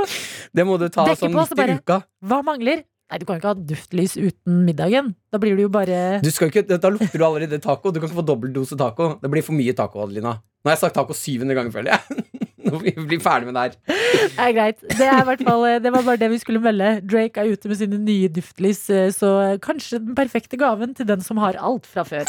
Dette er P3 Morgen. Hvor vi har fått eh, litt reaksjoner på duftlysene til Drake. Og det er en her som skriver i innboksen Drake skulle hatt en duft av grape. og det syns jeg. Bare for uh, morohetens uh, skyld. Uh, og så har vi fått en annen melding som skriver Jeg vil ha sexlysene til Martin i begravelsen min, så når alle sitter Så når alle sitter i kirka og presten messer på, så ser folk rundt og bare Wow! Martins lys i kombinasjon med vaginalysene til Gwyneth Paltrow. Yin og yang på en fredag! Står det her. Din syke, syke person. Vi elsker deg. Oi, oi, oi. Eh, Jeg har et forslag til eh, staten og oss mennesker på generell basis. Ja. Eh, En ting som, har, som plager meg i livet, ikke ofte, men det skjer en gang iblant, og jeg vet at det er ganske mange som blir plaget av akkurat dette her, det er at de, Jeg syns også det er en litt fin ting. Det er ikke lov til å uh, urinere offentlig. Tisse, tisse ut på gata og sånne ting. Jeg syns jo det er en fin regel da å leve etter. Det er en fin regel. Eh, Men av og til så oppstår det situasjoner hvor uh, du har fullstendig panikk. Hvor du må, på, du må tisse så mye. Det er ikke noe toalett i nærheten. Du er ute på gata. Ja. Og da, der, da skjønner ikke jeg hva jeg skal gjøre. Oi, nå slo det meg en tanke. Er det offentlig urinering å tisse på seg selv? Altså tisse på deg? Det tror jeg da. Det kan det jo ikke være. Fordi da må du velge sånn Ok, tisse, ut og tisse nå. Eller Faen, jeg bare gjør det. tisse på meg. Fordi da står du jo og tisser offentlig. Det kan hvis, hvis, hvis jeg tisser på meg på gata, og politiet kommer og gir meg bot for det, så kommer jeg til å lage opprør. Altså. Ja, men da, det, kan, da det finner jeg meg ikke i. Politiet må forstå at Skal du gi meg Jeg har tissa på meg! Og skal du gi meg bot! er skam. Ja, ja. Skam vi står og føler på. Shame, Så skal politiet bare Da kan du bli med oss en tur på stasjonen. ja. En, eh, vil dere at det skal lukte tiss i politibilen? ja, og det her jeg har hatt en liten tanke om hva vi kan gjøre. Eh, for jeg opplevde i går, når jeg var ute og gikk, at jeg holdt Og da mener jeg sånn Jeg er, jeg er en flink gutt til å holde meg. Jeg er flink til å holde meg. Hvordan føles det å være 27 år og kalle deg selv flink gutt? Er ekstremt bra. For jeg er en flink gutt når det, når det kommer til å holde seg. Um, eh, jeg klarte ikke å holde meg i går Når jeg var ute og gikk tur med hunden min. Du er flink gutt. Takk. Eh, da oppstår det en følelse av panikk, og jeg kjennes ut som blæra mi skal sprenge. Jeg, og da blir jeg helt sånn panisk. Det er ikke noe toalett i nærheten. Så blir jeg sånn, «Åh, shit, shit», Og det begynner å gjøre vondt, og så skjønner jeg at nå jeg, jeg kommer ikke til å klare det hele veien hjem. Mm. Da må jeg gå inn eh, Da finner jeg meg en busk i Oslo sentrum som er litt sånn stor, sånn at jeg, jeg, på ekte, jeg krabber inn i busken. Mm. Dytter unna litt blader, får noe i fjeset og Lars Monsen moments. ja, litt, litt Lars Monsen-moment. eh, og, og kjenner allerede på skammen her. Skal til å begynne å tisse, så kommer det selvfølgelig noen gående forbi. Må de? Eh, da må jeg ta eh, avgjørelsen, bare holde meg kald. De ser jo at det er en fyr i denne busken. Jeg velger da bare stå rett opp og ned. Ja, for du er ganske høy også. Så jeg ser for meg at busken liksom når deg til sånn brystområde. Da stikker hodet ditt opp. Ja, så er jeg sånn Hei, hei. Ikke noe å se her. Bare en fyr som står i busken. Pleier å stå i busker. Eh, de går forbi, og så får jeg eh, heldigvis tisset. Eh, og da jeg står Og da jeg dytt, Altså jeg presser tisset ut så fort jeg kan, og det gjør ganske vondt. Og jeg føler meg ikke noe bra. Jeg er Nei. ikke flink gutt nå. Nei, nei. Kom meg ut av busken, og så tenkte jeg at burde vi ikke ha tisse i offentlig kort? Mm. Klipp, som klippekort. Klippkort, ja. En gang i året så får du lov til å, å tisse ute. Ja, du har et jeg- save you-card. Et save you fra politiet! Ja, Jeg mener, og det høres ut som men jeg du har jo en save you-hund. Kan ikke du bare løfte liksom Mumphy, så ser det ut som det er Mumphy som tisser? Som spyr ut Men da blir det stråler. veldig Den bitte lille hunden der. Det blir veldig rart hvis folk begynner å gå oppi, og du holder hunden din og har tissen ute. Og da må jeg også ta buksa og bokseren helt ned på anklene. Ja. Så det ser ut som et lite barn som holder hunden min og bare Aah! Nei, men vet du hva, Unnskyld meg, Mumphy må du jo bruke mer. Hun kan jo redde deg. Hunder har eh, pass til å tisse offentlig. Ja, Adelina, jeg kan ikke bli han fyren som er skinna på hodet, som står og holder en bitte liten hund og tisser offentlig på gata. Ah, ja, du må vente til du får hår på hodet. Da kan du gjøre det. Det er det som manglet. Det er det som gjør det, ja. Nei, jeg bare mener at vi må gi hverandre litt mer slack. Sånn at hvis noen tisser på gata, da er det lov, da burde det være lov å si sånn 'Jeg klarte ikke å holde meg'. Altså Når jeg ser folk eh, tisse på gata, så tenker jeg you do you, honey. Kjør på. Du må på do. Sånn er det. Vi må være rausere med hverandre. Mm. Det er en dugnad. Det er en pandemi. Nei, det kortet kan vi ikke bruke for alltid. Jo, det kortet ville redde oss. Vi har fram til januar deg. å bruke det kortet der. Bruk det før vaksina kommer. P3. Og det er sånn i P3 Morgen at på mandager så møtes vi og starter uka her i redaksjonen med å legge noen spådommer. Altså ting vi tror kommer til å skje i nyhetsbildet i løpet av uka som går. Før vi møtes nytt, på nytt igjen eh, på fredager, og så sjekker vi hva var det som faktisk skjedde, og vil noen faktisk treffe på noe? Da stikker du også av med et skraplodd. Her er det en million kroner inni, tror jeg. Yes, det kan hende. Du er på plass, Dr. Jones. Det er også du, videojournalist Daniel. God morgen. Og Martin Lepperød. Og jeg, Adelina, er også til stede. Ja, jeg er dommer i dag, jeg, da. Ja, du, eller kanskje kan vi være dommere sammen, Martin? Er det litt koselig? Ja, For du spådde ingenting? Nei, jeg var bare her på mandag som en slags publikummer sammen med du som hører på, eh, og hørte på spådommene til Adelina og Rørvik. Da er det to dommere denne gangen.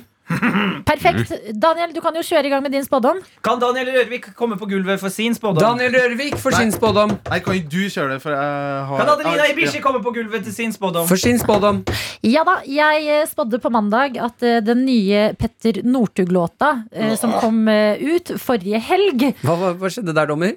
Jeg bare liker ikke den låta. Jeg har ikke hørt den. Nei, det, er, det skal du være glad for. Men nok om oss dommere. Adelina. Det er rart med det. Nei, men den eh, fikk jo veldig mye oppmerksomhet. Eh, noen eh, elsket det, andre syntes det var ja, litt too soon å begynne å tulle med at han ikke har vært snill gutt i år og vil hjem til jul og hele den regla der. Eh, og i likhet med veldig mye annet som Petter Northug gjør, så tenkte jeg at eh, nå kommer han til, og hans team, til å bli litt sånn eh, grilla denne uka i debattprogrammet Dagsnytt 18. Altså Northug sin låt vil nå Dagsnytt 18, hvor de skal prate om teamet og strategien bak hva meninga med denne låta egentlig var. Har Espen Aas eller Sigrid Solund eh, debattert dette? På ingen måte. Oh! Det har dessverre ikke Eller dessverre og dessverre. Kanskje greit at eh, det ikke er det som preger Dagsnytt 18. Eh, Men Da det har ikke skjedd skriver denne jeg skriver jeg Adelina null poeng. Er meddommer enig? Jeg er enig. Bra. Daniel Rørvik, kan de melde deg til banen? Kan du komme på dansegulvet? Dansegulvet. Tripp, tripp, tripp, tripp, tripp, tripp. Her er jeg! Eh, jeg spådde uh, Søtnos? Søt. Eh, I våres så var det jo veldig mange reklamer som var klin lik pga. korona. Altså Det var reklamer som gikk i liksom eh, Husk på å ta vare på hverandre. It's a difficult times. It's tough times, you know. Eh, og Mer, mer engelske reklamer. Eh, watch out for each other, OK? Eh, og nå eh, var det jo 1. desember på tirsdag. Eh, og da spådde jeg at alle julekalendere kommer til å være klin lik. Det kommer til å si at i jula i år, den blir annerledes. Så det jeg spådde, var at eh, jeg ville komme her da, i dag, og ha med til dere et, en montasje av julekalendere der de sier at jula i år blir annerledes. Og det var 13 som var antallet eh, jula blir annerledes eh, ting som jeg skulle ta med i dag. Da. Ja. Så kan vi nå høre, da. Har jeg klart det? Og velkommen til Bergen 950 år sin adventskalender. 2020 ble annerledes. Ja da. Den jula her er jo litt annerledes, sies det. Ja. Nå er det adventstid, og i år så er det ei litt ekstra utfordrende tid for oss alle sammen. Ja. Jeg klarte ikke overhodet. Og dere aner ikke hvor inni helvete mange julekalendere jeg har sett. Altså, jeg ja, men jeg er frustrasjonen jeg må få ut. Fordi jeg tenker at det skal, her skal bli så inni hampen koselig. Jeg skal sitte og kose meg med julekalendere fra tirsdag, nei, fra mandag og til i dag. Da, Og kose meg og finne det her blir lett. Det til, altså Alle julekalendere kommer til å si det. Men det, det er bare tre jeg har funnet. Og det er ikke bare sånn, jeg har ikke vært lat. Hvor mange har du sett? Jeg har sikkert 150 julekalendere. Og det er alt ifra sånn Kulturskolen i Nesodden. Men hva sier de, da? På disse? Nei, de er jo veldig mange kreative. Ja. Altså sånn, ja, sånn, å, skal vi se hva Nesodden-nissen finner på. Og all ære til det. Eh, folk fra Nesodden syns sikkert det er veldig morsomt å se ordføreren i Nesodden være nisse, for eksempel. Det er gøy, det. Men jeg blir inni Jeg ble så helvetes lei. Du er så rolig Jeg fyr. ble så lei. Det. Og det er for mange julekalendere ut der. Det er ikke alle som har livets rett i julekalenderuniverset. Sånn. Takk for meg. Åh. Men okay. vi har litt et skrapelodd i studio. Med, ja, meddommer. Vi må diskutere litt grann nå. Eh, det er jo egentlig i teorien null poeng som deles ut, men Daniel fikk jo tre poeng. Ja da, og jeg, jeg synes Det var imponerende at du har funnet eh, At du har klart å finne noe, så jeg syns du skal vinne, Daniel. Og, og hvor mange Du må spørre meddommeren, det er greit. Oh, ja, er det greit? Ja. Spør meg også, da. Jeg syns også det er helt greit. Du har ikke noe å si her! Du Jo, er jo, helt kan jeg, kan jeg Du er ikke meddommer. Jeg skal bare vise hvor liksom stor eh, deltaker jeg var. Daniel fortjener denne. Jeg Hvor- unner deg det. Hvor stor var du? Eh, Raus nok til at jeg syns også at Daniel fortjener skrapelodd. Daniel! Og Daniel, hvor mange prosent hvis du vinner en million, vil du dele med en lytter? Mm, nei, jeg, jeg er ikke så gavmild som dere. Dere har sagt 10 Fem fra meg. 5 prosent. Skrap Hvis man vinner en million, hvor, mange, hvor mye penger er det? Hmm? Hvis man vinner 5 Nei, eller får 5 av 100 000, folkens! Nei, 50 000 er det. 250 kroner. Oi. Her 50 000 kom en million. Du skraper raskere. To Ja, men jeg har uh, klippa neglene. Vi er- Nå, nå lar vi han, nå lar vi han grille i sitt eget fett. Det Være helt stille mens han skraper. Det er en rar skrapelyd. En koselig liten. Mine damer og herrer, null gevinst i dag. Ja da! Du har glemt bonusen! Nei, av låta! Nei, han rekker det! Han rekker det! Vi må skru av låta. Bare dra den opp igjen. Så, så. Å, herregud, nå trodde jeg at jeg vant 100 000. Men det var to, bare. Du Null. tre. Ja. Hva ble det? Null gevinst? Null gevinst. Ah, der er låta. Der er låta som bonus, være Andreas, skru er P3 Morgen. Ungdommen er eksperter på PCA og data. Og knytter nyttige tråder til utenlandske stater. Og dermed er vi inn i dataverden. Verdens beste verden. I går så snakka jeg om eh, den Norges største pornostjerne, eh, Sasha Gabor. Det var del én av min saga om Sasha Gabor. Viktigste sagaen denne uka her. Ja, og fordi at På mandagen så var Alex Rosén her i P3 Morgen, og det fikk meg da til å tenke på den her fantastiske dokumentaren som eh, han har laga om pornostjerna Sasha Gabor. Det var da en dokumentar fra 2001 som ble stoppa av ledelsen i NRK. eh, Og ble da sendt etter midnatt til slutt, med en innledning, en slags advarsel om programmet. Um, og vi kan jo bare høre litt i går, det jeg viste fram i går, da, som kanskje gjorde at ledelsen valgte å uh, forby at det ble sendt på dagtid. Ja, la oss komme med en liten- ja, Bare en liten advarsel. Mm. Eh, for det er litt hardt. Så hvis du har noen barn Ja, som ja. hører på nå, eller hvis du er litt sår på sånne her, eh, litt, sånn, litt harde ting, bare hold, hold de litt for ørene. Ja, ikke sant? Bare, vi bare dobbeltsjekker nå at folk rekker å gå bort til radioen, eventuelt bytte kanal. Jeg har vært litt i Sasha Gabor-verden, så jeg har bare glemt at det her er litt hardt språk. Jeg Ja, dette er ganske hardt. Til dere som fortsatt er her, her kommer det. Du ser, du kan ikke slikke fettet med hamburger med antennene dine. Hamburger, tomat, salatblad. Kan ikke slikke fettet, da er det ikke igjen, da. Ja. Dette er altså ordene til en pornostjerne som skal på pornoinnspilling. Eh, fordi at Sasha Gabor er Norge, er, blir regnet som Norges største pornostjerne. Har spilt inn i 800 pornofilmer i USA. Flytta, Starta som 38-åring og holdt på til langt opp i 60-årene. Og han kom inn i pornobransjen fordi at han ligna på Burt Reynolds, en sånn 70-talls filmstjerne. Og i, i senere årene så ligna han på Sean Connery på sine eldre dager. Um, og det her er da del to. I dokumentaren da så er vi nå i San Fernando Valley. Det er da pornoens hovedstad. Uh, og Er det der det ligger? Mm. Folk sier så. Eh, og Sasha Gabor eh, og Alex Josena skal være med på en innspilling av en film. Eh, og vi kan jo høre hva slags eh, film det her er. Det er det største gangbangen når det gjelder foot fetish som noensinne har vært i amerikansk historie. Vi dekker det for NRK, for dette her må jo dekkes. Dette her skjer jo ikke hver dag. Ja. Foot gangbang? Footjob gangbang. Eh, så det er da i en garasje i San Fernando så står det 80 menn og to kvinner. Og skal spille inn 80 menn, 80? 80 menn og to kvinner og skal spille inn filmen om verdens største footjob gangbang. Sier du åtte? Eller 80? 80, menn og to kvinner? Ja. Og det som er litt eh, og det er, eh, De to damene ligger da på to sånn hjerteforma eh, senger. Og de her 80 mennene står da på to rekker. Og det er som en slags sånn eh, kø fem på seks før og Ølsalget stengeaktig stemning. um, og altså, ja, og her da står eh, Sasha Gabor, da. Så Alex Hussein står som en slags sånn sportskommentator og, og ja, rapporterer underveis. Eh, og i løpet av denne filminga, i en slags sånn pause, som vi ser da i denne dokumentaren, så blir Alex Hussein tafsa på av en av de kvinnelige pornostjernene. Altså Han blir skikkelig gropa, og Alex Hussein blir ekte ukomfortabel. Og det som er da Og det, det er uvant å se. Og da ser vi da eh, Alex Hussein som liksom spør eh, Sasha om hva han syns da om at Alex blir beføla. For uh, Sasha Gabor sitter naken rett ved sida av. Og vi kan jo høre hva, slags, hva Sasha syns om at Alex blir tafsa på. Herregud. Jeg blir voldtatt, ikke sant? Det er smart. Det er ikke ute. Sasha, hva mener du om det? Jeg syns det kan være kult, det. Sånn skal det være. Du har slipp at jeg skal være med på den filmen her, det. Jeg sto og runket mens jeg så på deg. Hva? Ja, ja, ja. ja, ja. Mm. Nei, men det er bare tenker, hva, slags men, hva slags rase er vi? Dette er så sjukt at skjer.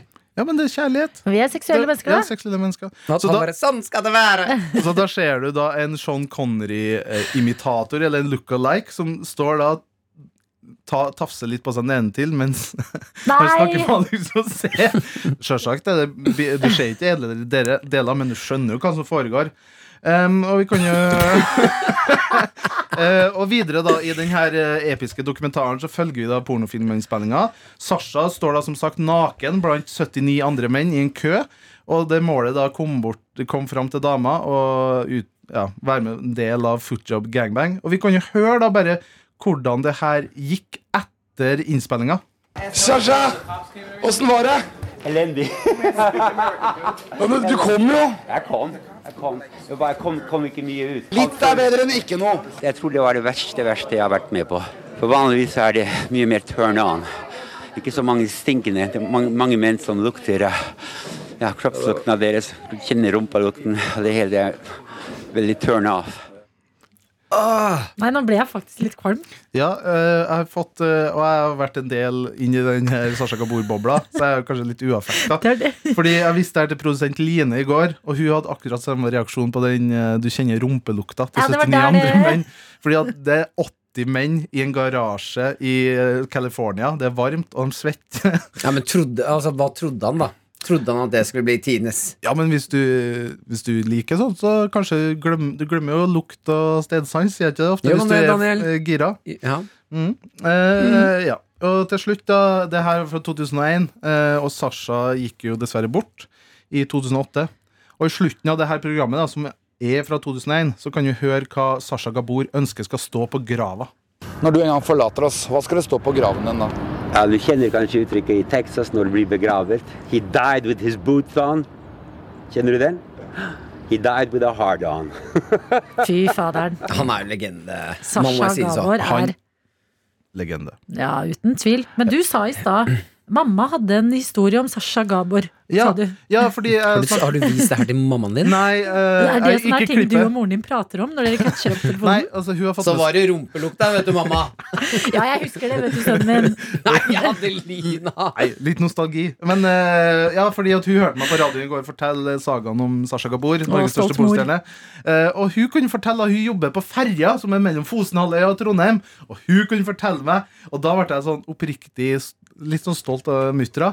Men eh, mamma har servert lapskaus til Sasha Gabor halv sju på ferja mellom Fosenhalvøya og Trondheim.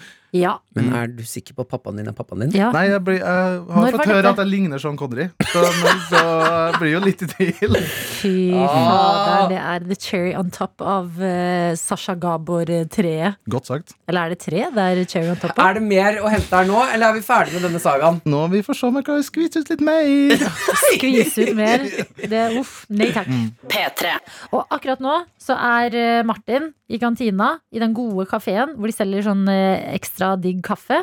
For den er åpen nå, og kjøper seg en deilig kaffe. Og da kan vi to kose oss her og endelig prate litt julekalender, Dr. Jones. Ja, for det mens Martin fyller på kaffen og gjør seg klar til tre timer karakter, så eh, vi skal, er jo ferdige og kan glede oss til klokka blir seks, og det er barne-TV 10. Ja, det er det vi kan. Eller nå som det er på NRK TV, så kan man jo se det når som helst. Men jeg er litt konservativ når det gjelder kalender. Jeg liker helst å se det rundt eh, klokka seks, altså som er god gammeldags barne-TV 10. Bare Ja. for at da, da, da kjennes det riktig. Ikke sant? Og i år så er det Stjernestøv som ruller og går eh, på skjermen, på NRK i hvert fall. Den nye julekalenderen. Hva syns du om den? Jeg er intrigued, men jeg er ikke helt bergtatt ennå. Hva er, det, vi, hva er det du liker, og hva er det du har fingeren å sette på? Jeg liker veldig godt uh, de barna i menneskeverden. Altså de som uh, hovedpersoner. Jo og søsteren, som jeg ikke husker hva heter. Og så liker jeg konseptet. Det var faktisk en episode hvor jeg ble litt sånn rørt av at de var sånn uh, Det sies at det er eh, stjernefolket som kaster stjernestøv, sånn at du vet hvor du skal gå hen når du har mista veien. Og det er ikke faktisk støv, men det er en følelse inni deg. Ja, Da var jeg sånn Å, dette er så fint! Du kjøper eventyret, med andre ord. Ja, jeg gjør det. Ja, ja. Hva syns du? Ja, jeg synes også Det er bra Det er jo litt darkness, da. Det er litt Med, med, det er mye sinte på hverandre, og det, det er en litt sånn dyster stemning i hele greia. Men jeg tror kanskje jeg liker det litt òg. Jeg, vet du hva, jeg syns det er på tide at barn får lov til å vise litt sinne òg. Ja. Mm. Sånn, julekalenderen er veldig sånn ah, nissen! Ja. Det er jo, og sånn som med hovedbarna i denne serien, så har jo foreldra skilt seg. Ja. Det er klart de har litt agg inni kroppen. Klart det er agg. Det er klart de trenger å slå til en eh, snø, snømann i ny og ne. Ja, og jeg tror det er smart. For jeg, eh, jeg har vært hjemme med mora mi et par dager nå. Ja.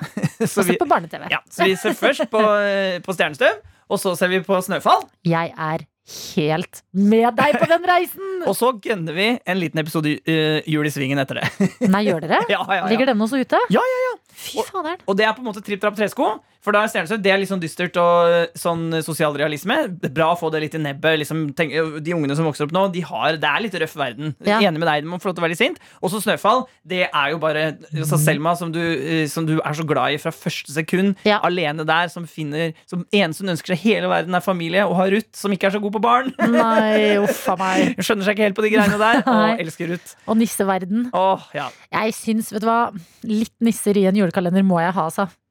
Ja, det, jeg håper det dukker opp noen nisser i stjernestøv etter hvert. Kanskje, nei, vet du hva, det tror jeg faktisk ikke. Da blir jeg overraska. Ja. Men også da, eh, og så upper du da fra 2006, hvor alt var bra og ingen hadde noen problemer. Jul i svingen, bare god stemning. Ja, bare god stemning. Innvandrerfamilien de, de feirer ikke jul, men de er med og feirer jula likevel. Det det. Og det er god stemning, og Bølla er venner med alle. Og det er sånn, så det er tripp trapp tresko. Så det er min anbefaling til deg som, som ser på Som syns det kanskje blir litt darkness. Ta, og så du opp med litt eh, snøfall i midten, og så på, Lander du helt mykt opp i skyene med jul i svingen eh, til slutt der? Yes. Ja, men jeg er spent. eh, Altså, nå er det jo Faderen, det kommer jo ikke noen nye, nye episoder i helga. Det er jo i dag, og så må vi vente til mandag. I Er Stjernestøv. Er du helt idiot, eller? Nei, det kommer hver dag. Det kommer jo hver dag. Det er 24 Ja, episoder. Ja, ja. jeg var redd det var en hverdagsgreie Altså, nå. julekalender tar ikke helg. Du har hørt en podkast fra NRK P3. Hør flere podkaster i appen NRK Radio.